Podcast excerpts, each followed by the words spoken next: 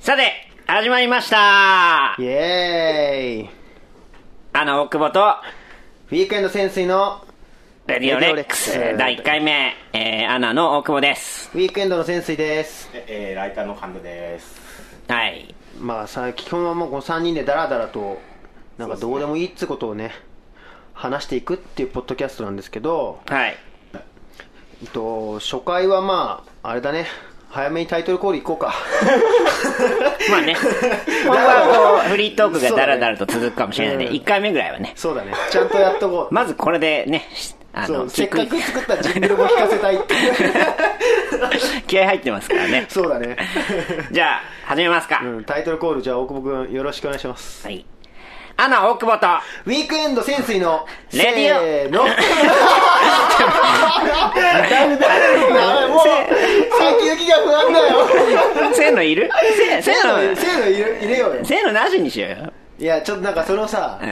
ちょっと勢いつけてこいそこはん。せーので。うんちょじゃあオッケー次回までに練習しとこだってほら、タイトルせーの入ってないからさ。うタイトルセール入ってないうん。そうだねじゃあ行こ うなしで行ってみよオッケー、お大丈夫だ。いけるいける。ラジオっ子だから。大体分かれる。あの、あの伊集院の間ぐらいな感じ。うああじゃああの伊集院の真似爆笑問題じゃなくて伊集院の方ねそうそうそうそじゃあよろしくう。はい。えー、アナ大久保と、ウィークエンド潜水のレディオレックス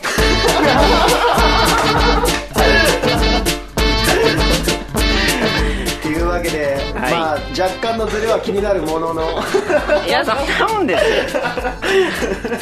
大丈夫元気大に丈タイトルコールが済んだわけですけども、夫。はい。最近の近況としてはどうですかねまあ、最近の近況。アナは何やってんのアナはですね、まあ、次のアルバムに向けて、やっと動き出したっていうぐらあそうなんいだですけどね。いなろんいろか、難航しつつだいぶ難航してますね。頑張ってるぞとうん。おじさんになっちゃったからね。おじさんになっちゃったおじさんになっちゃったから ねほらほらなんか前のアルバムも一応20代最後の作品で、うん次30代の作品ですあーなんかいろねいろあるじゃないですかその気持ちの機微がねとかさなんか見見方もね味方もそのお客さんもさあ30のやつ出てき たぞ30でベレー帽かぶったやつが出てきたぞってことになっちゃうっていうねそうそうそんなの大変ですよ なるほどね、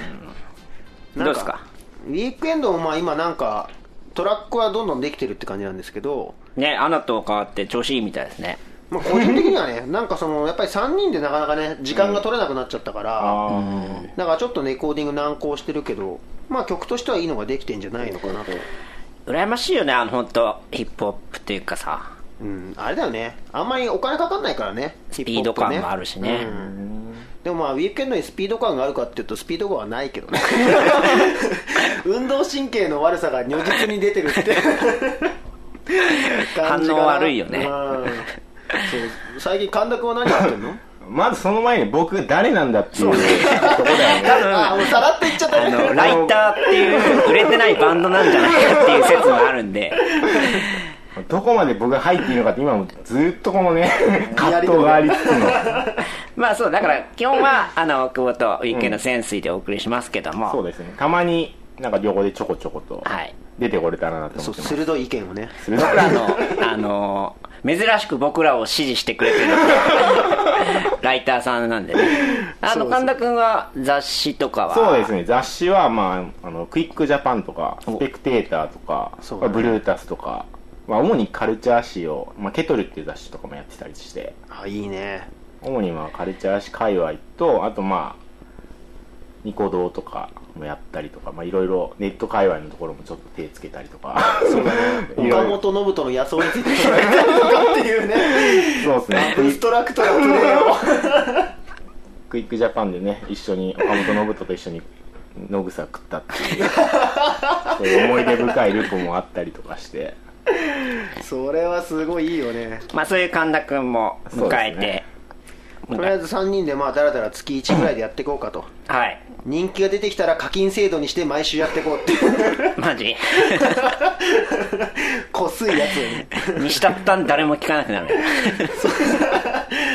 うそうそう、この間神田君が取り上げてくれた、あの、太田出版の、あケトルウェブのね、うんケトルニュースケトルニュースっていうニュースに、あの、僕らのことが載ったんですけど、うんなんか、イベントをきっかけにね、なんかこう、いろいろやろうぜっていう流れがあったんだよね。そうそうだからレックスの説明とかはレックスしといた方がいいよね。そうですねなんか、まあでも説明するって言っても、すごいあやふやなもんだけどね。まあそのウィークエンドとうんアナと、あと今日いないけどパノラマファミリパノラマーファミのリーねゴメス君っていうのと一応今のところ3組で3組でね。あのジェネレーションレックスっていうユニットを組んだんですよねユニットなの違うそれは それは初耳なんだいけやどそうだそういうつもり俺もなかったけど何なんだよなるほどねなんかなその何かをたけし軍団的なやあつーですなねるほど全然なんかこれかいやでらもさたけし軍団っていうよりなんて竜兵会 そうね別にそのおらんけんねそうそうそうアナというダチョウ倶楽部に だからパノラマとかは有吉的な位置でしょそうかなあの、ああれじゃないナイナイとかがやってたな何んだっけ何あナイナイなんてやってたそんなじゃナイナイとかさ雨上がりとかの天然素材天然素材的なやつかない やそれにしてはやっぱり30超えちゃってるっていうのが まあだからそのなんでレックスかっていうとあれですね足立由美世代それすげえ今後恥ずかしい 説明になってるよね がっつり書いちゃってるそうそうそう まあつってもこのラジオやってるのでレックス世代俺だけなんですけど そうだねあとはみんなちょっと上って上いうですねまあでもなんか本当にそのだから1個上は松坂世代とかでそうだねで僕の81年とか2年生まれが、えー、足立由美と同世代なんですよねそうだねでなんかなかなかちょっとこう周りにスターがいんかこうないぞとね大ブレイクっていうかもう突出してねやつっていないじゃないですかいないけどねなんかでももうで上はなんかいつまでたってもいるしあもうそこ切り取る大した聞いてねえだろっていうで下はなんかちやほやされてるし でこうなんかね寂しい世代だから、うんちょっと、ね、なんとかしてこうぜ一気を起こそうぜっていうあ村村八部に怒りを覚え竹槍でこの時期この時代竹槍で行こうぜって感じでね そうだでね始まってまあだからウィークエンドもね先生君以外はそうだねまあ正式なアレックスの世代なんだよねそうそう俺が一個上なんですけどであとはねイラストレーターの中尾道夫とかそうだねでとりあえず今それでねこの間イベントとかやって、CD も1枚セカンドロイヤルから出しましたとそうコンピが出たんですようんでそれをこの神田君が取り上げてくれたんですけどケトルニュースでそうっすねそ取うり上げさ5せても曲らっ入りての5曲入りのすげえねなんかいい内容だったでしょもういやめちゃくちゃ良かったです本当に5曲ともそう内容はいいんだけど、この このニュース感のな さこのニュース感のなさったらないぜっていうねコンピをこの音 音楽メディアに一切取り上げられてなないいっていうねそうそうエレキングの竹内さんがでもツイッターであの竹内さんというライターのあ人あがいはいてあのこの前書いてうんはいあのーまだ iTunes が拾っていない良質音楽みたいなことをつぶやいてくれててなんかいいなと思ってだからまあそう iTunes とかでも販売しないんだよねしないでしょ、うんだから会場に来て、んこの30前後のあわよくばって思ってる男たちから直接ザ・ビートが入るんじゃないかって思ってる男たちがそうからあの直接買わないといけないっていうねそうですねでだからまあイベントとかうんまあライだからそういうのもやっていこうと思ってるんでそうねぜひ遊びに来てくださいとだかまらまああその一環として今回このラジオっそうだていうねのをねやってでみようラジオもあるしまあそのあれだよねそれがまだ結構近かった先々週とか先々週とかがそのライブイベントだったんでね発売兼、んそのレックスのイベントリリースパーティーみたいなそうそうそう、そういうのがあってでまあそれであの売り出したんだけどその時にさあのすごい来てくれた人は分かると思うんだけどすごい変なライブだったんだよ ねそうだねあのイベントイベントものね模様は、あのーね、うん YouTube にだいぶダイジェストで、ライブダイジェストでね、あれだけ見ると なんかもと ライブ以外の映像多いなってう完全にロフトプラスワンみたいな映像になってますけどねあれ座っちゃってるしっていうのが ねでもなんかおおむね来てくれた人はみんな楽しんでくれたみたいだしそこはでも自信がありますよね、なかなか今こうねそうなんだよね楽しめあんだけ楽しめるイベントないでしょ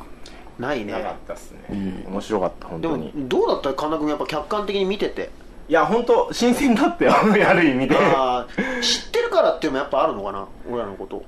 それもあいるやけどってでも僕前のレックスの1回目の時は初めて、まあ、大久保君以外はアナ以外は初めて初だったから、あのあれあの時もなんかいろいろやってたじゃん、うんそれも結構含めて面白かったっていうかなるほどねそうでも結構やっぱ来てくれた人は、うんもううちのモニカとかも司会がわけわかんない しそもそも司会っていうか何なんだろうっていう感じだからなんか合間合間にねそうトークがすごい入るんですよねそうですねそうでなんか今回は、まあ、その3組になってからのうんあの初回だったっていうのもあって各バンドのこう自己紹介みたいなのを延々やってったんだよねそうねそれでその時が結構さ時間が決まってたんだよあれ、うんなんか20分とか決まってて、チャイムだね、思ってたよりも全然話せちゃ った俺たち全然カットされてたんだよねそうそう そうそなうだどんどんなんが漏れてたのうんとね一応だからその今日せっかくなんでその漏れてたこの間話題をね一応なんかみんなのプロフィールをなんだっけあのほらしゃべくり7みたいにいじっていこうっていう話でそうだねやってて紹介できなかったやつをじゃあちょっと聞いていこうかなと思ってるんですけど、うんハローワークスハローワークスっていうのはあのウィークエンドのもともと僕らハローワークスっていう名前だったんです、まあいろいろあっていろいろあってウィー名ケンド前にが変変わわっったたんでっすてけいうどねそこは察してくださ い お察しくださいそこはね会場にいた人がねそうだねどんだけディスってたか、 ディスってないよねいやもうバリバリディスってや るよ俺たち悪だからさあのね、あれですね、中、あの、仙台ツアーうん行った時に、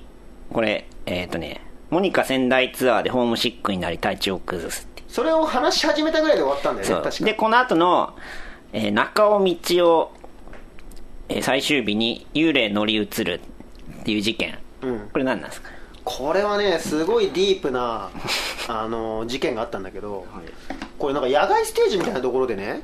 延々こうライブイベントをやるっていうのがあったんだよねうん。でその時がすごいわけわかんない日だったのよ結構前結構前多分4年前とか3年前とかかななんだけど夏でさすごい暑い時に野外フェスみたいな感じで,、んで自分たちでスピーカーを持ち込んで、うん仙台の DJ とかと一緒にやるっていうイベントだったのうん。だったんだけどなんかその日にこう俺以外がお客さんも含めて多分全員が酔っ払ってたの、うん 全員が酔っ払ってる中で夜になっちゃってもう結構暗くなったんだけどそしたらミッチーがもう中尾道をね。そう急に取りつかれたみたいになってみんな東京に帰ろう東京に帰ろうって言い出してで会場内をすごい勢いで走り出しちゃったりしたのでみんなで落ち着けよって言って止めてんだけど全然止まんなくて水かけてんだけどもうもうやめろっつって水バシャーンってかけたんだけどなんかもうジタバタジタバタしちゃってもうなんか完全に取りつかれてるみたいになってたのやつ酔っ払いじゃなくてえ酔っ払いじゃないと思う多分酔っ払ってもあんなことにはなんないと思うぐらいになっちゃってて、うん。憑依してた感じそのうでそれで後で聞いたらその会場の後ろにねこう池っていうか沼みたいのがあったんだけど、うん。そこはあのなんていうの戦時中のうん。お亡くなりになった方々のあの放り込むとこ的な話を聞いたのへえだからそれだったんじゃないかっていう噂があって、ね。なるほどね急に夏の怖い話みたいな なんかもう面白バンド話を BGM これなんか入れとって。ヒューってやつをまあこういうのを延々とね、話してたんですよね。そううんうんうんなんかないのアナはね、えー j 部の話聞いてないかもでもこれ言えんのかな j 部はでも話したよね話した、うんまあでもラジオだけんねあいなかったせねっかくやけん言ってもいいそうだね j 部のねなんだっけ放送禁止用語連発そう j 部にそのアナで 初あれか初出演した時に、うんそのスポンサーがあのマクドナルドがついてたんだよねスポンサーの番組で、でなんかそのほらマクドナルドスポンスポンサーだから結構 NG ワードがいっぱいあって、んそのなんか他店そのライバルのお店を想像させるものはダメってなって、だからこうチキンとかあとピザとか、うんあとビールとかもマックで扱ってないからそれお酒もダメってうんなるほどね基本的に食べ物のまあハンバーガーも要はそのライバル店につながるからうん話ダメで基本た食べ物の話 NG みたいに言われてて「うんうんじゃあ OK です」っつってでこうゲスト初出演してでなんかこうなんだっけ結成の穴結成のいきさつとか聞かれて、んでまあ、要はそのステダラパーが大好きでっていう初めてこうお家と会った時に、うん僕今夜はブギーバックをこう一緒にやったんですよってそのくだりの話話のくだりであのテーブルのピザプラスもうチキンビール ってことも全部連呼したっていうそれ言った途端になんかもうこう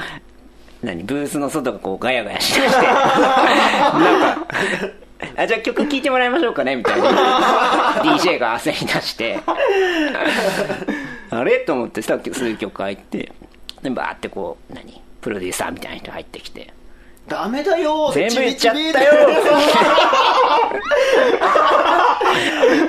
つびつびダメだよって生放送だよつって そっかそれでもなんか狙ってやってたらかっこいいけどさナチュラルにやっちゃったっていうのがただのバカじゃないかっていうねで以後本当に一回も呼ばれないっていう なねるほどねそうですよなるほどこの福岡から上京東京で友達ができず京都のレーベルセカンドロイヤル移籍って書いてあるなんだよこの暗いエピソードエピソード未満だろこんなのでその後も g レックスリハーサル中に暗いやつらとレッテルは貼られるそうね最近なんかうちら暗いみたいなさあのねあれだよねウィークエンド基本的にみんなレッテル貼るからねゴミちゃんを怖いやつってことしてるからねごめちゃん怖くて暗いやつやけん まだマシやそうねいやでもねアナはね本当になんかねこうリハとか真面目なのか暗いのかなんだよね暗くて優しいやつやろ優しくないよね大地君とかやっぱりもうなんかこう常にちょっと若干切れてるんじゃないかなっていう感じの態度ではあるよねだからあれはもうちょっとね初めて入って衝撃だったよねでなんかウィークエンドとかもうなんか、うちの転校生とかさ、んもう酒片手に入ってきちゃってさなんかこう学ランどうしようみたいな感じになっててさ衣装ね そう衣装の学ランをね なかなかでも本ちょっ当と買おうかなっつってね他のアーティストとスタジオ入ると難しいよねて難しいねうちらなんかだけ本当に初めてウィークエンドとのなんかリハーサル入った時、ん酒みんな持って入ってき てなんだこいつらって思ったもんなんかさそうそうそうなんだ よね結構喋ったりする楽屋でその最初の初対面の時はなんかご自己紹介っていうか最初にやったりとかすんの一番最初はね、結構ね牽制し合ってたあああアナとウィークエンうド、んいやこの仲良くなるまでだいぶかかったよねだいぶかかったよねそうなんだそうそうだって本当は初めては俺そのそれこそハローワークスの時にまだ福岡いてうん一回ねなんかメールが来たっちゃんあねうちのメンバーがメールを急にしたらしいんだよねそうそうそうなんか東京でこういうのやってますって、うんうんなんかよかったら一緒やりませんか、うんうんでなんかこう YouTube の映像を見て、うんでまあなんかあ あああいいなあねこういうやつだねと思ってい いよねっつってねいないけどねけどなんかあこういうやつら俺らに来るよねなるほどね近寄ってくるよねっていう感じで基本的にその頃はあの売れそうなやつしか目がなかったですその頃っていうか下手したら今もなん じゃないかなこんなに友達ができんと思ってなかったけどさ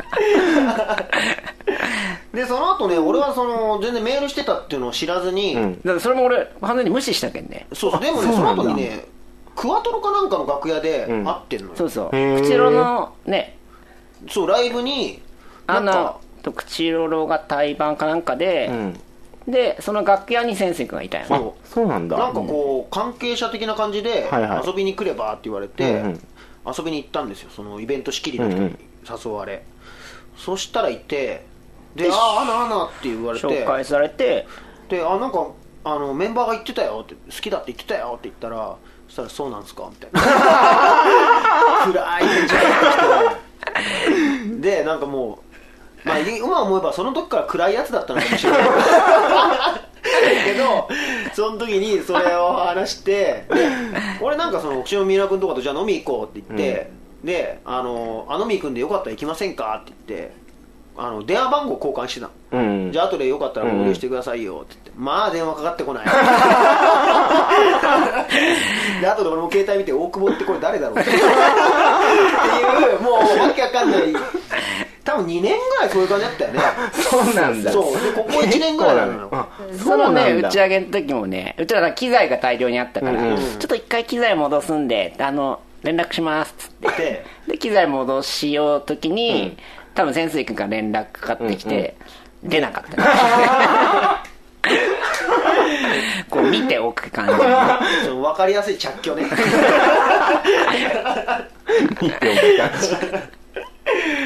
そうそうそんなことがありつつもそこからも多分その後もね1年ぐらいは1会って年ぐらないい空いもたんねね1年ぐらいど空うだいろううてちらが東京に出てきてそうだね対バン1回フィーバーでやってそうねそそのの時に時初めてにまあちょっとね初めてちゃんと喋喋ってでなんか同い年っていうことも聞いてうんうんそうそうそうで名前が一緒だったのようちの転校生があそうかそう純也っていうんだけど、うんうんうんあのね大久保君も大久保純也だからそうそうあ純也って言うんですかみたいな話にな りなんかそういうねそういうなんかお前メールしとったんじゃないのかっていう感じもありつつってい全うねく音楽的なとこではないとこでね話してたね、へーそうでなんかそっからなんだろうで意外に当時俺が共同っていうところに住んでたんだけど、うんうん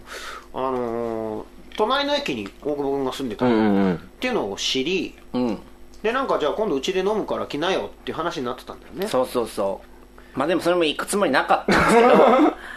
でもなんかあれやんね本当にあの地震の直後にそうそうそなうんか先生君が引っ越すので、うんうん引っ越しパーティーしようぜっつっ引って越しパーティーをやってて、うんうんで暇だったらおいでよっつったらあの本当にのこのこ来 てやっとのこのこうち来て酒飲んでピザピザ頼んでで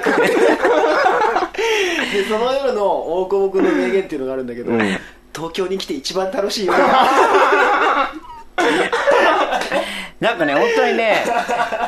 そうねすごいちょっとこう人恋しい時期やったじゃん時期だそうそうそうでななるんほかどねねめったに行かんちゃけどああいう知らん人の集まり行ってみるかと思って珍しくだってねだいぶもう行ったらみんなベロベロみたいな状態だもっうた行っねたらひどかったもうみんなベロベロで、うんうんまあなんかみんな何喋ってんのか分かんないって状態だったんだけど、うんそっから俺追いついたも んね追いついて気づいたらイニシアチブ持ってたのが俺なんだっけ話していいのかななんかまあいっか何がいいいやよ俺は熟女が好きだとかなんかもうもうさそのアナの音楽性とさ何一つ噛み合わない感じの知識がどんどん入ってくる感じうんはいはいはいそういうのを延々話を聞きねでまあでもそっからぐらいだよねそっからぐらいにまあなんかじゃあやってみようか面白いことをっていう話にちょっとなっつつあったんだうよね、んあとまあそれと全く別であのパノラマのゴメス君とそうだねなんかそっちは比較的音楽的に一緒にイベントやった りつながっててでウィーケンドとパノラマも仲いいけんそうだね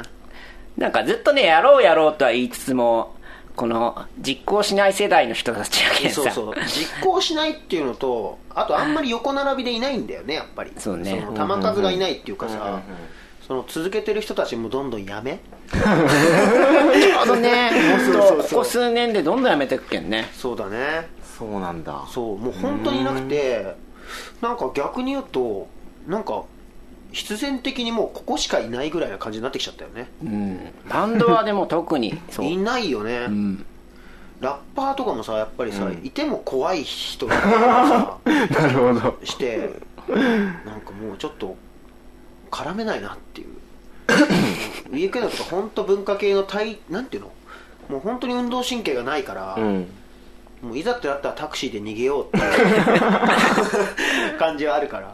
その右手をどれだけ早く上げるかみたいなそ その運動神経に特化した3人組みたいなとこあるからねだからなんかねそうなんだよなるほどそうまあそんなわけで、まあ、当日のイベントの音源から聞いてみようか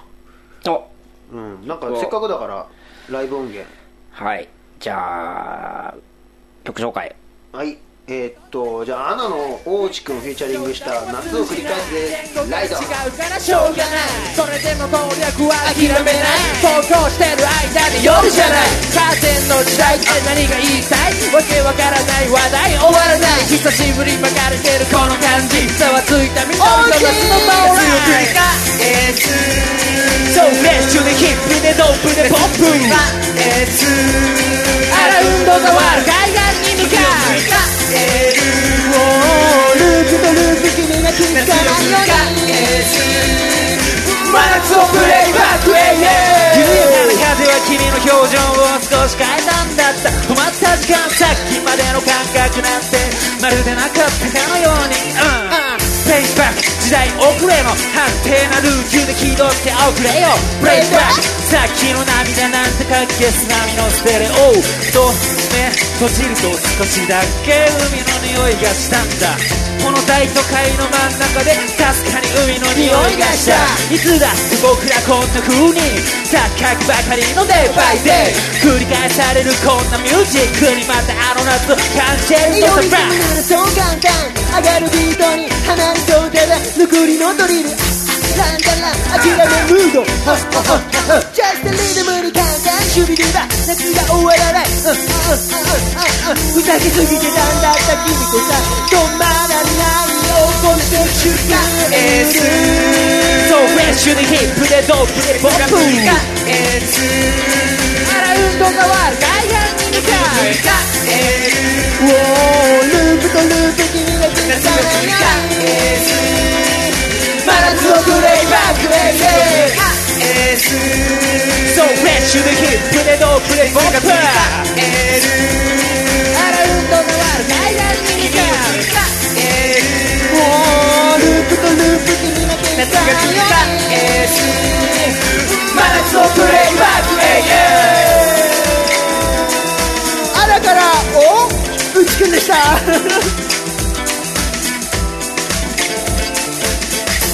あと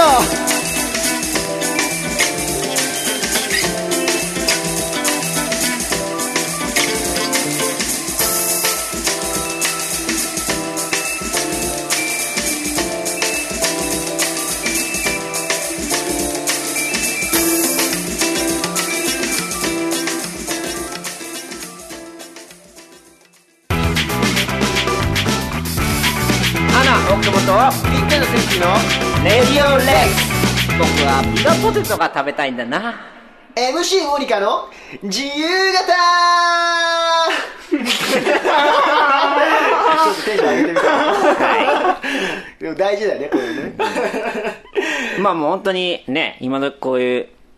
あの AM ラジオっぽくやってるんでそうだねコーナーをせっかくだかねらねやってこうと思ってましてちょっとこういうおたけびも入れつつやっていこうかなと思ってるんですけど、はい MC モニカの自由形これはどういうコーナーです か このコーナーのウィークエンドのメンバーの、まあ、先ほどレックスの話でも出たあの、MC モニカっていうメンバーがいるんですけど、はいえー、と最近あったことをうんフリースタイルに乗せて、ヒップホップのフリーできないフリースタイルに乗せてフリースタイルっていうか自由形ね自由形だね自由形だねいやなんかそれをそれをお届けするっていうだけのコーナーなんですけど、はいあの第これを一回目そうだねじゃ毎あ回まあ撮っていって、んいつかアルバムにした いなあの思ってますねこれいいをね編集してうんまとめまあ、いろんなサウンドクリエイターたちにミックスして豪華サウンドクリエイターたちにあのミックスしてもらおうかなとリミキサー人だけすごいやつそうそうそうそうそういうパターンもあるかなと思ってオッケーじゃあちょっと聞いてもらいましょうか1回目はいワンツー青部屋の片隅で謎の本を見つけたぞこれは一体何の本だこれはきっと本だから借りた例のやつだ危ない物だそもそも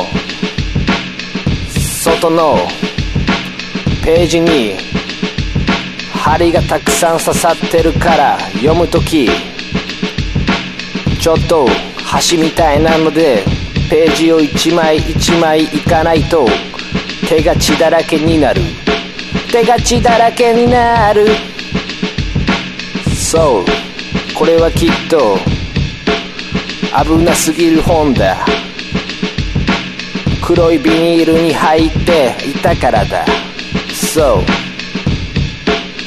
危なすぎるだルーフルーフルーフルーフルーフルーフ君に朗報この本はなるべくネットでやり取りした方がいいやつだ本屋に持ってっても買い取りしてくれないひたすらヤバすぎる本だホンダのやつはこういう謎のブツをたくさん隠し持っているやつだファッカー完全にファック野郎だそう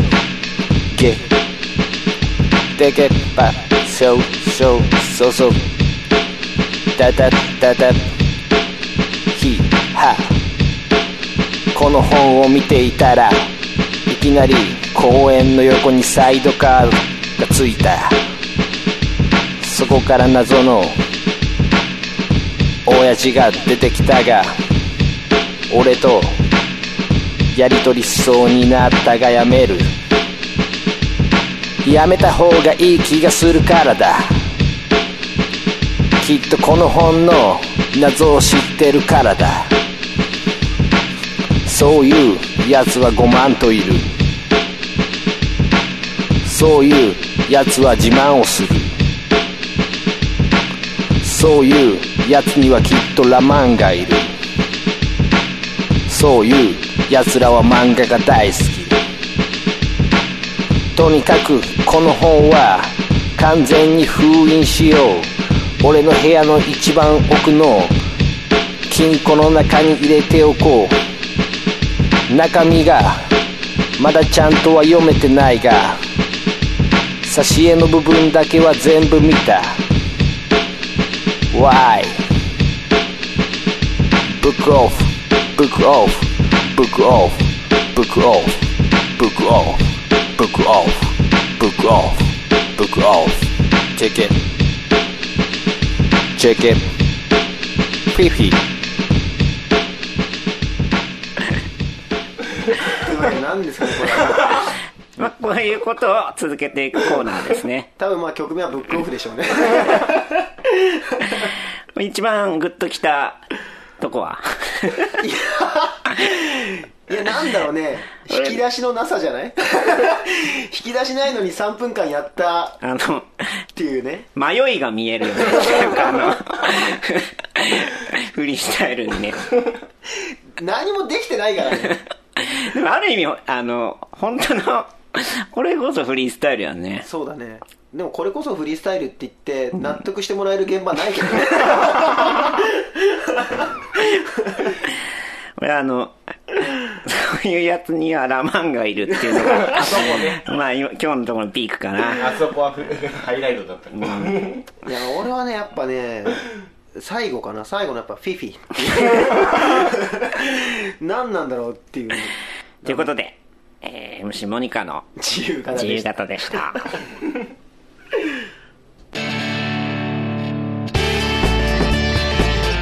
アナ、ロックボと、みんなの潜水のレディオレックス熱い熱い熱い熱い熱い熱いあこれやっぱ冷たいやつだったライター神田のいい質問ですね。 そのテンションで来るの不安だな。このコーナーは毎回テーマに沿ったスペシャリストをお迎えしてまあ俺あのウィークエンド潜水とアナ大久保僕ら二人がよく分かってないことについて聞いていくというコーナーなんですけどもそうですね。うん、初回のテーマはじゃあねあの神田君がせっかく来てるので来てるのでってはいいうメンバーなので、はいまあ初回だからゲストっていうのもなんだろうということで、はいはい神田君がまあ詳しいと言われてる ニコニコ生放送って何ですかがテーマですはよろしくお願いしますよろしくお願いしまはいよろしくお願いしますでまあいやなんかニコニコ動画とは違うんだよねもうそこがあんまり分かってないんだけどまず、ニコニコ動画とは違って、うんまずニコニコ動画っていうのが最初に始まったので、うんでそれは、あの、まあ、YouTube みたいなのに、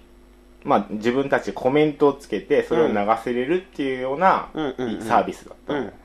で、そっから、あの、ライブストリーミングって、まあ、いわゆるユーストみたいなうんのを、ニコニコ動画が始めて、うんで、別枠で始まったって感じだね。だから、これでもなるほどねでもそこに、そのユースト機能に、そのコメントを流せられるっていうよ実う際のな、画面にコメントが流れるっていうそのう、がそれをユーストみたいな、そういうライブストリーミングで、うんそのサービスを、ニコニコ動画のサービスを合わせて、やったっていうところだね。なるほどね、んなんかこれってその 今さその先月先々月とかにさなんかこうニコ生会議みたいニなコニコ超会議。超会うん。議ってやってたでしょ、やってたやってた。俺も2日間、もういレギュラーで行った。 そうなんだ 仕事してたよ。あれってそのなんであんなことになったのあれは、あのーまあ、これ、まあ、5年、サービスがた5年経って、うんそろそろまあでかいイベントぶち上げようみたいな、多分そういう感じだと思うんだけど、まあに、コンセプトはニコニコ動画のそのネット上の世界をリアルに全部再現するみたいな。だから踊ってみたブースとか、うんまあ、踊ってみたっていうなんか、その、ニコ生で、あのーまあ、素人の人が、まあ、その曲に合わせて踊ってみるみたいなそういうサービスがすごいサービスっていうかそういう動画がすごい今人気なんだけど、うんまあ、それをリアルで踊ってみたの人が来て踊るとかその自分のブースそうでそうそうそう部屋みたいなとこそうでそうそう延々踊ってみるそとれかをみんながまあリアルで見たりとかっなているうほどねで会場にはそのガーって流れてるのコメントが、うんす。で、その、 それブースを見て、うんみんなこう携帯とかで、そうそうそうやっててでそれも全部ニコ生で中継もされててネットからも見ることができるから、それでネットで書いてる人もいるしなるほどねリアルでここ今なうみたいな書いてる人もいるしパソコン持ちながら持ち歩あの歩いて会場の中をそれで自分でそのニコ生をニコ生でちゅ実況しちゃうとかやってる人もいたねなんかそのニコ生に何かが起きてるっていうのはすごいわかるんだけど、うん一体その何が起きてるのかがあんまり俺には分かってな くてただそもそもがそのなんでこんそんなねあのでかい会場にうん何万人とか集まるわけでしょ、うんもぐうらいのすごかったねあの本当に熱気はそういう熱狂を生み出してるのかが分かんないんだけどその、ユーストリームとかとは、何が違うやっぱ本当ね多分あのやっぱコメントなんだよねでもそのユーストも、ユースとはツイッターで横で、うんまあ、でもあれはツイッターと連携だから、うんうんまあ、なんて言うんだろう、でもあのコメントにニコ丼が始まってからの文化みたいなのがもう、なんて言うんだろう。二ちゃん的なそう、感じ二ちゃん的な、そういうニコ動でしかわかんないようなうん文脈とかがあってへ、ーでそれでみんな盛り上がってるって感じだかあら、なるほどねまたツイッターだとまた全然、まあツイッターのフォーマットっていうかそういうのがあるじゃん。うんそういうので書き込んでいくけど、あっちだとまだ盛り上がりが違うっていうか、例例えばなんかね、始まった時にね、あの、数字の8をね、連呼するっていうのがあって、あれはパチパチパチパチパチパチってやつああそういうことなんだ、とかねうんへえなんかね、そういうのがいろいろ出来上がってるんだよね、もう。それで、うんまあ、向こうのそのやってる人も、こっち側も、お互いまあ盛り上がれるっていうか、だからそのレゲエのパーティーでタオル回すと か、そういうのが大量にあるってことそでうしょそうそう。なるほどねまあでもそれ本当に古くを言えば2ちゃんとかそういうのも近いものがあるんでしだょからだって一緒ですもんね最初ひは、ろゆきあの、ひろゆきが、とり、その、ひあの、ニコ動の人とひろゆきが仲良くなったのかな、それで、あの、ちょっと二ちゃん風味なものを、うんまあ、ひろゆきを呼ぶことによってニコ動にうん加えてって、ニコ動はひろゆきがた作ったんじゃないですか最初川上会長っていうあそうなんだそうこの人が立ち上げたサービスなんだけどでまあひろゆきを呼ぶことによって2チャンネラーを大量にそこに持ってくることができたへえなるほどね頃から始まってもう今でも2チャンネラーの人たちとは、まあ、別物の本当若い人たちが今本当会場にはすごく多かったしー本当独自の文化圏っていうかのができてるって感じは生で見てて本当したねあれはあの神田君がそもそもニコ動に、うんその興味持ったりとか、うんあこれなんか面白いなと思ったのって、うん何のそのコンテンツみたいなコンテンツっていうかその何の配信をしてる人を見てない僕はね、その配信の方じゃないんだよね、僕がやってるのは。あ僕そはうなニんだコニコニュースっていうところで、ニュースの原稿を書いてて、あなるほどねそう、だから、そっち方面で言うと、ニコ動自体がそのメディアになるのかみたいな。あうんーテレビとかラジオとかにに対抗対抗できするのるネットのメディアほネット放送局みたいになんのかみたいな感じで、まあ、僕は注目してたんだけど、うんけど結構今のスタンスではその なんて言うんだろうその大手メディアを補完するようなサービスを僕たちは提供するんだみたいなスタンスに今落ち着いてる感じだねそうだねドミューンとかも結局そのそうそうメディアって言ったけど、うんそのみんなそのクオリティによっていっちゃってい,、うんうんる気がするやっぱテレビの方が見やすいとか、うんうんあの乱れも少ないとか、そうそうそういう話になっていっちゃってるのはちょっと寂しいけど、まああるのかなと思ってなんかね、こなのん前かその、スポンサーとか、うんその縛りみたいなのってあるんですかうんないあの基本的にニコ生とかは有料会員をどれだけゲットできるかだからうーんその有料会員のお金でやってるから、うんうん基本的に読者が、まあ、週刊誌とかを自分たちでお金払って買うとかっていうのと全く一緒の考え方なんだこう考え方だ、ね、立ち読みするかそうそうそう買って家で見るかみただいかなら基本的にスポンサーとかの縛りはゼロだねああなるほどね、うん、なんかそのそこはだから自由だね本当に NG はエロスはエロスはなんかさあの一応規制してるみたいだよね結構事故とかあるよねニコ生とかでああそうなん脱いだ脱いだりとかしちゃって女の子がそれでずっと監視してる人がいて、うんニコ生をその人がバンするっていうかあそのバンバンっていうのがあるバンっていうのはその、まあ、放送を休止しちゃうああずそっうなとんだ監視しててなんかこうだけど知らないと、うん、そこしか入ってこないですよねうん、そう だねあのなんか、事故うん、家で花火したやそつとうそかうねそうそ うそんなやついいんだとそうか結構ねいるよなんかそのイメージあとはそのなんかいたのかわかんないですけどなんかその自殺を中継するとかいうのもあれありはますよねユーストだったねあれユーストああ、うんそうかだからそういう結構危険なイメージがあるなうんうんなるほどねああまあでもそれはあれだけどなんかあれだよねその不思議だなと思うのがやっぱユーストとの違いっていうのがすごい面白いなと思ってて、ユーストだとさもうちょっとスタイリッシュでさ、それこそドミューンとかもそうなんだけど、だからそのコメントとか2チャンネラーっていうのだけで、うんで最終的にその先月先々月とかに、なんかこうリアルになったっていうのがもうよくわかんない状態になってて そうだねなんろなんかすごい不思議な状況が起きてるなとうんう思んって、でなんか今そのミュージシャン、まあ、一応そのミュージシャンとして話す とニコ生ってやっといた方がいいもんそれこそなんか俺あんまり詳しくないからあれなんだけど「新生かまってちゃん」とうんうかさ、んうん結構そのニコ生とかで有名になった人たちでしょ、そうだね元はうんなんかそういうのを見るとなんかそういう事件作りをしといた方がいいのかなと思うんだけどやっぱりその 事件になんないと、うんニコ生でとかニコニコとかではそうだねあんまりブレイクはしないそうだねその傾向はあると思うねはありますよね、だから事故になりやすそうな状況を作ってニコ生やってみるとかある全部際どいやつそうなんかもう出てきた時からちょっとなんかこうこうパンツ一丁だとかねそううんそこをバンされて終わるなんかそういうのはあるのかもしれないねそっかじゃあねそのかまってちゃん以降でそのニコ生を使って、うんなんか感覚見てなんか発信しててる人いるんですか今はねいやそのなんて言うんだろうそのかまってちゃんに続くような人は今のところはいないかなああそうなんだ、音楽的にはでもだから初音ミクとかああういうんそうああいうボーカロイはド、うあん、ーすごいなるほどねそのボカロ P って僕も知らなかったんだけど、ボーカロイドプロデューサーって多分の略でボカロ P ボカロ P そのまあそういう作る人がいて、その人たち本当大人気なんだよね CD 出たりしてるもんうね、ん本当本当へえそれはさ何ニコ生で人気なのニコ生でその自分で作った曲を、うん初音ミクで作った曲をあの突然流してみるとかっていうそうそうそうそれで人気ああそうなんだあでもそそっかあのヒャダインさんとかもニコ生だよね確かなるほ確どかというねか、ううんんヒャダインってあれでしょモモモノククロロとを、かううんん、なるほどねあの人の名前隠してニコ生で発表してそれが話題になってみたいなへえでもその結構クオリティの超高いなんか早弾きがすごいとかなんかそういうのは結構話題になりそう話題になるっていうか音楽系でいうとへえ坂本教授とかあのファミコンのコピーをずっとやってた人とかもすごい超絶テクみたいな感じであそうなんだ話題になったりとかそれじゃないアナテクはね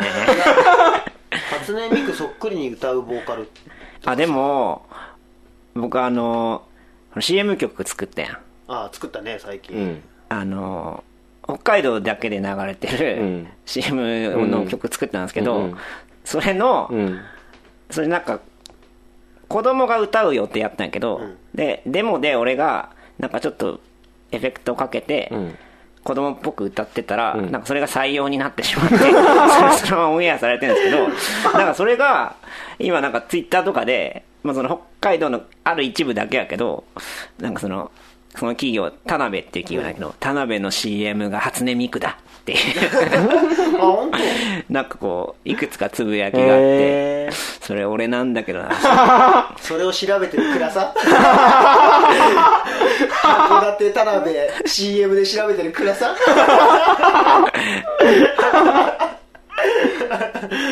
そうだねでもそんな大久保ミクですからねあそれいいかもね大久保美久っていう名前でやっていくのがいいかも なるほどねなんかじゃあそういう盛り上がりがあってその2ちゃん的なそのやっぱみんなで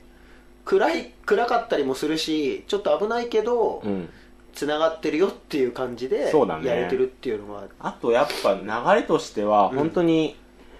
その今ユーストにしろニコ生にしろ、そのまあ、ライブストリーミング業界っていうのかな、うんそういう方そういうところにその雑誌が担ってたサブカルチャーの情報みたいなのがすごい流れてるんだよ、なるほどうんね、だからニコ生とかも本当に雑誌とココラボした番組がすごく多くて、うんその宇野恒弘さんっていう、まあ、批評家の人がやってる「プラネッツ」っていう雑誌ミニコミの雑誌と、まあ、ニコ生がコラボしたうん討論番組とか、あとねまあそれこそ「アエラ」とか「スナックルズ」とかね、うんうんうんうんうんそういうだからそういう昔本当90年代宝島サーティみたいなそういう宮崎哲也が出てた頃のなんか批評誌みたいな人たちが、うんうんそこに積極的に出てなんか語ったりとかだからそ,、そういうテレビで担えない雑誌が昔になったサブカルチャー、うんうんうんそのか音楽にしろ何でも企業界にしろそういうのを結局あの結構取り込んでるんだよねなるほど、うんそれっていうのはそのニコ生のその会社がうんやっぱりこうそういうコンテンツを作る、その個人の発信するも個だけ人なの発信するものもあるし勝手にやってるものもあるよ、うん結構そういう雑誌とコラボしてあなるほどねうんそれとか、まあ、公式生放送って言ってもう会社がバックアップしてやるっていうのもあって、まあ、今言った雑誌のところはほとんどまあ公式生放公送式、うん、なるほどね結局でもそういうなんかがあってのそうそうニコ生だけで成り立つっていうよりは、なんかがあってその特別版として使われることが結構そうそうそう多いってことかなんかそういうバージョンのなんか雑誌がになったなんかそういうサブカルチャーみたいなのをそのもっと音楽とかそっち方面がドミューンで、うんその言論系うんうん言論系はニコ生がになってみたいな感じになってるんだよね今まあでも分かりやすいっちゃ分かりやすいよねコメントが出るっていうからそれはそうそう言論系はそっちのそうそ方うそうそがうやりやすいもんねなるほどねうんだから結構今から面白いことはやれんじゃないかなっていうところはあるよね。うん、特にライターとかだとそのニコ生への魅力っていうのはそうだあるねよ。めちゃくちゃあるね。なんかやった時にリアクションもすぐわかいるや、しほんとそこが楽しいんだよね、やっぱ。そこは結構そのちゃんとしたリアクションがあるわけな、あるある。そのパチパチパチだけじゃなくて俺もそそのの後にきちんとってことか僕も一回ニコ生出たのね、公式生放送に、うん僕の書いた記事が結構ネットでバズって、キム・ジョイル萌えって いうつぶやきで逮捕された韓国人の青年が、あのいて、まあ、その人の記事を書いたらバズって、まあ、緊急ニコ生をやることになって、まあ、若干出たんだけど、うんまあ、そこでも僕が出た瞬間になんか、まあ、僕のディス とか僕へのディスとかが、まあ、ガーって書いて、 まあ、まあそこの中にまともなコメントもあったりとかして、まあ、結構自分とじゃすごい面白かったねあれはあーそうなんだこういう感じなんだと思ってリアルタイムに来るってまあディスられるとへこむからな俺弱い打たれ弱い な俺でもだって検索するとき大久保最高で検索する大久保最高函館高 田もうディスり受け付けないからそっかそうそそうなんだねにもう俺らもう2ちゃんとかも全然一回その2ちゃんで検索したことあるのよそれこそウィークエンドも、うん、でもまあ出てこ ないよもう誰にもディスられることもなけれ ば何されることもないっていうそのもう気にすらされてないことだからもしかしたら生放送とかやってみたら面白いのかも、ね、面白いかもしんない2チャンネルってまだえ活発にいやも動うて2チャンネルはすごい高齢化しててあー当時の人たちがまだそうまだや感っじてるみたいなずーっと上に上が年代が上がえっじてゃあた結構その今のそのなんか若い話話題はあんまり上がってなないいでねすか、うんそうなんだだからまあ今の本当若い人たちを取り込んだのがニコ生なのかなっていうところだよねでもなんかやっぱりちょっと一個引いてみちゃうとさ、まあそれ何でもそうなんだけど、んちょっとそのイルマティックな感じはんするよね、うんうんそうだねだからそこに乗り切れるかどうかっていう、まあ、年代とか世代もあるんだろうけど、っていうのはすごいあるけど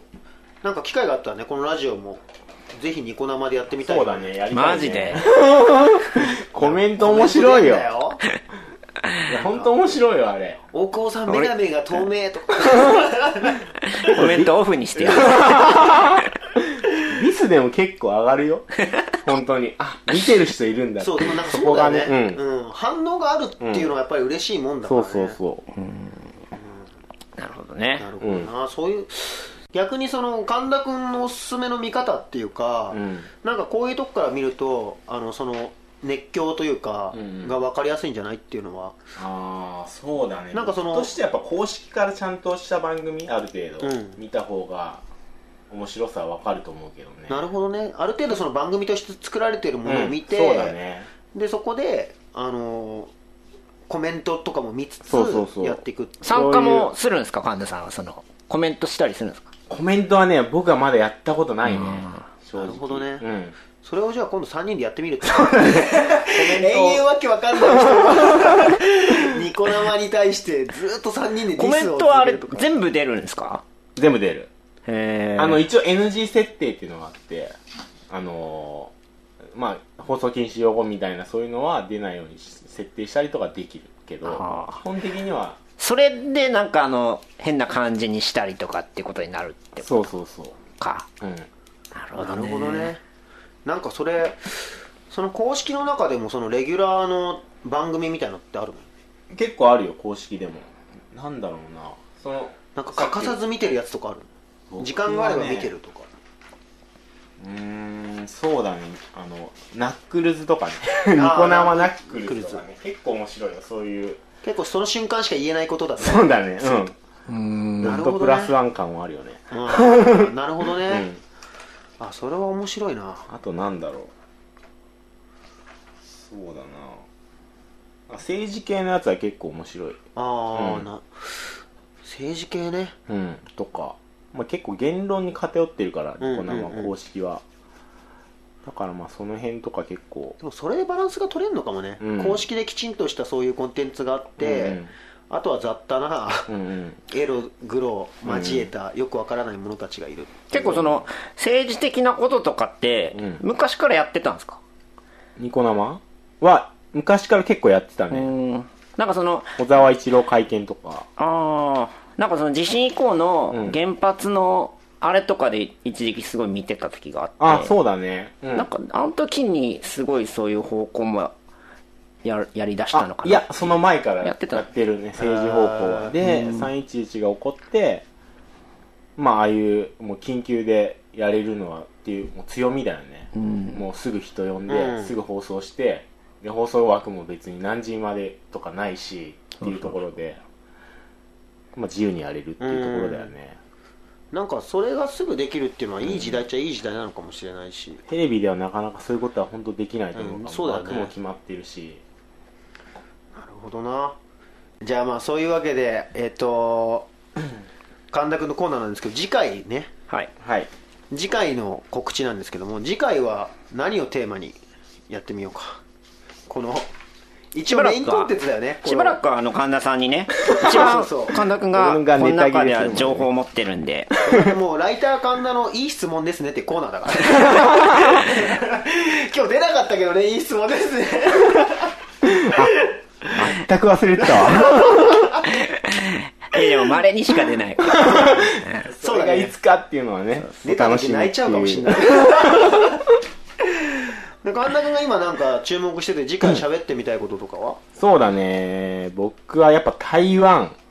今台湾ねもうね台湾ばっか行ってますからね台神田さん湾にね、ほんとね、仕事も全くせずに行きまくってるって いう。今年何回今年は、今年はまだ2回なんだけど、でも、去年もうすでに1回行ってて、で去年が初めてだったのね、実は。でそこでハマっちゃってもう、2、3ヶ月周期で行きまくってるっ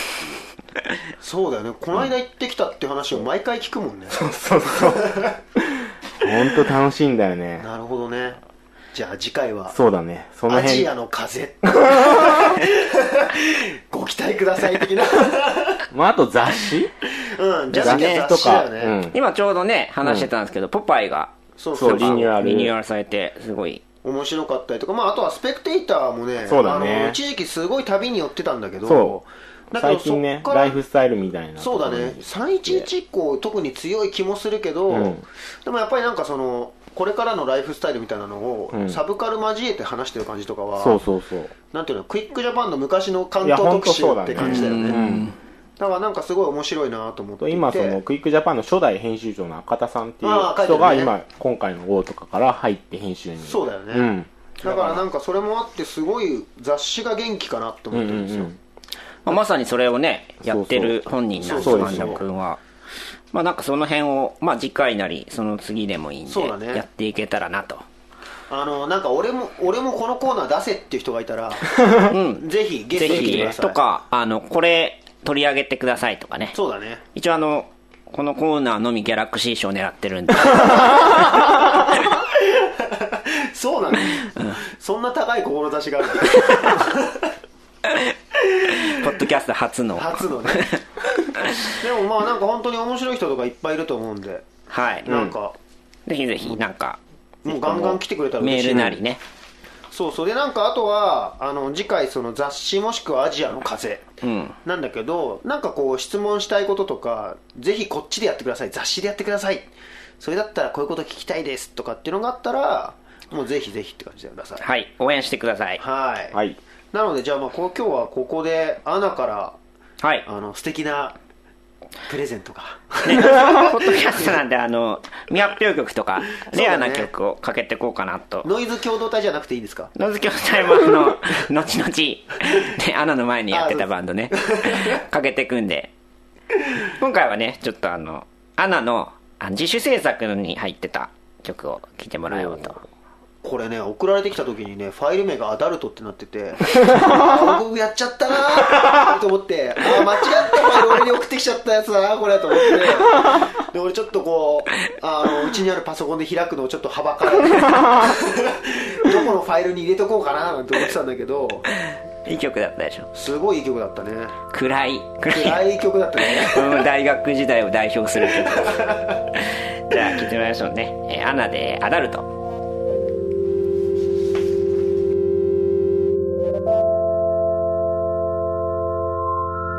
最終電車乗り少し僕はまだ君のそば明日の朝までまだあとどれくらいかな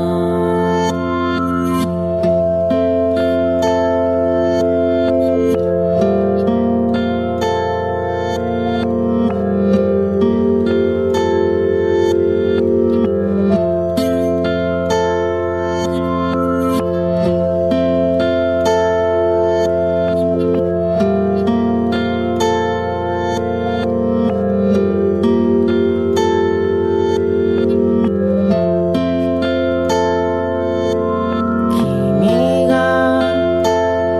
嘘をついていた午後僕は君の部屋で何を待つ僕は間違った大人のなり方して君の欲しいものは何ですか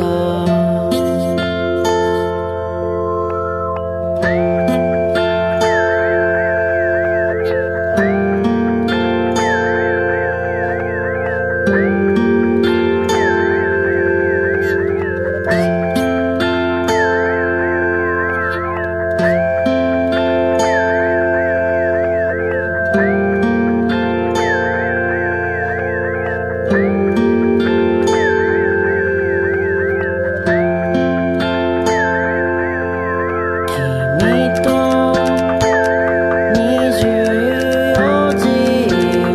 を迎えただけなのに全てを受け入れたら流れてしまうもの「涙以外に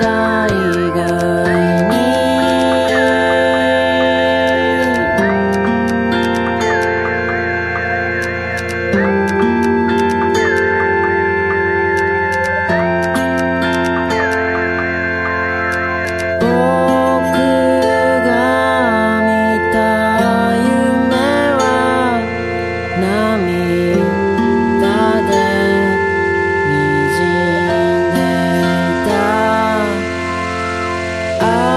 日の朝には多分何かが変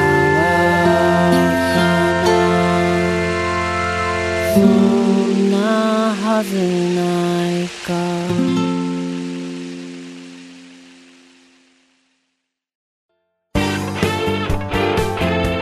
アナ青久保と BK の先生のエリオレックス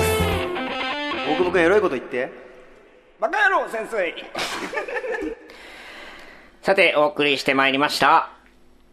大久保あ大久保になっちゃ ったなもうだっけアナ大久アナ大久保と保 ウィークエンド潜水のレディオレックスですが まあ1回目そろそろねねお時間ですとそうだねどうでした最初初回だったけどまあなんかでもね内容盛りだくさんで、うんなんかねんちじゃょなっいとですか文化の香りもさせて クソの香りもして クソの香りとうんこの香りと文庫の香りがしますよね ちょっと噛んじゃうっていう ね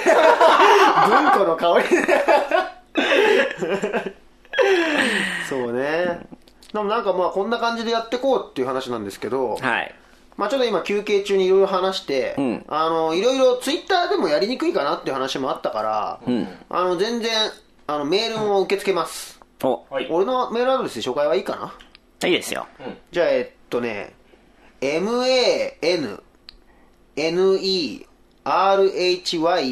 man,nerhyth アットマーク、ホットメールドットコム。難しいで すね。マンネリズム。になれば OK ですね。マンネリズムアットマーク、ホットメールドットコム。これで届かなかったりしたら、もうあの、ツイッターなりなんなり、あの、RT してもいいし、うん。うん直接会った時にあれをやれとかあのお前が喋るなとか そういう話はしていただけたらなと思ってますはい。採用された方には、レックスステッカ採ーを。用された方には 急に来たねでもあのレックスステッカーを。そうだね、ん初回だからさ多分大して来ないだろうから、何かしら、あの質問なり何でもいいから来たらえっと何かあげますおおステッカーなり、それはいいっすねステッカーなり、なんだろうね。なんかいろいろうちにあるいろいろんないらないもの そうそう。あの読まなくなった本とか、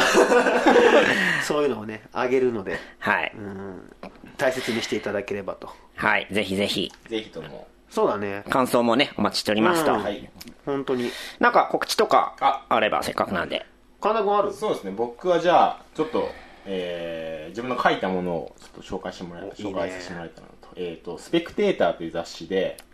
あの今出てる号ですね、えーこれからのコミュニティって、グローアワーオンっていうタイトルの、えー特集で、えー僕はあの思想家の藪四郎さんという方に、えーまあ、3.12以降のコミュニティについてちょっとインタビューをしているので、よかったら読んでください。これはね、本当面白かった。こありがとうございれ、ます本当面白くて、スペクテイター自体もすごい面白いんだけど、そうだね。なんかね、やっぱその雑誌は本当に311以降のね、まあ、あり方みたいなのの、なんかこう、なんて言うんだろう、スマートなやり方だなと思ったんだよね、んうん新しい提示もあるし、うんうんうんだからなんかね、あのーすごい本当、みんな読んでほしいなと思いましぜたひともね。読んでください。うん。まだぼちょっと僕読んでないんで、うん、読みます。あと、まあ、これはいいよ。ああそうですあと、えー 多分これが、えー放送されてる時には出て出てるのかもしれないですけど、うんえー12日発売のクイックジャパンで、タルトタタンっていう、まあ、アイドル、女の子のガールズデュオの、まあ、インタビューをしてますと。なるほどね。青山真司さんっていうユリイカとかでカンヌに乗った人と、えー相対性理論の西浦健介さんと今話題の。話題の今まさに話話題題のの健介さん と、えーまあその2人と、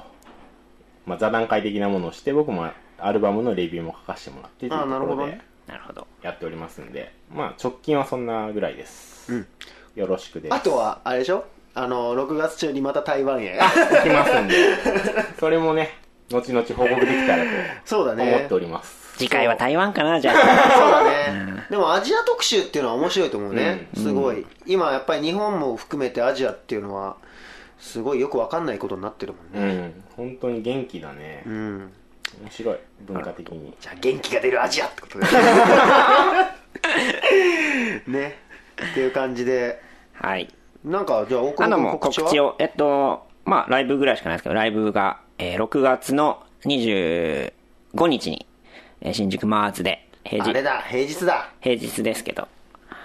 ニューアクションってやつね、そう。あの、そうだ、レックスのね、そうだ、ジェネレーションレックスのその CD がライブ会場でしか今は買えないんそうで、ですね、まあ、欲しい人とか、普通に、あの、ライブ会場、ウィークエンドのライブでも、パノラマのライブでも売ってるんで、ぜひライブに遊びに来てくださいと、そうだね、ワンコインならぬ、ワン、ワンなんつうんだろうね。札。ワ ン札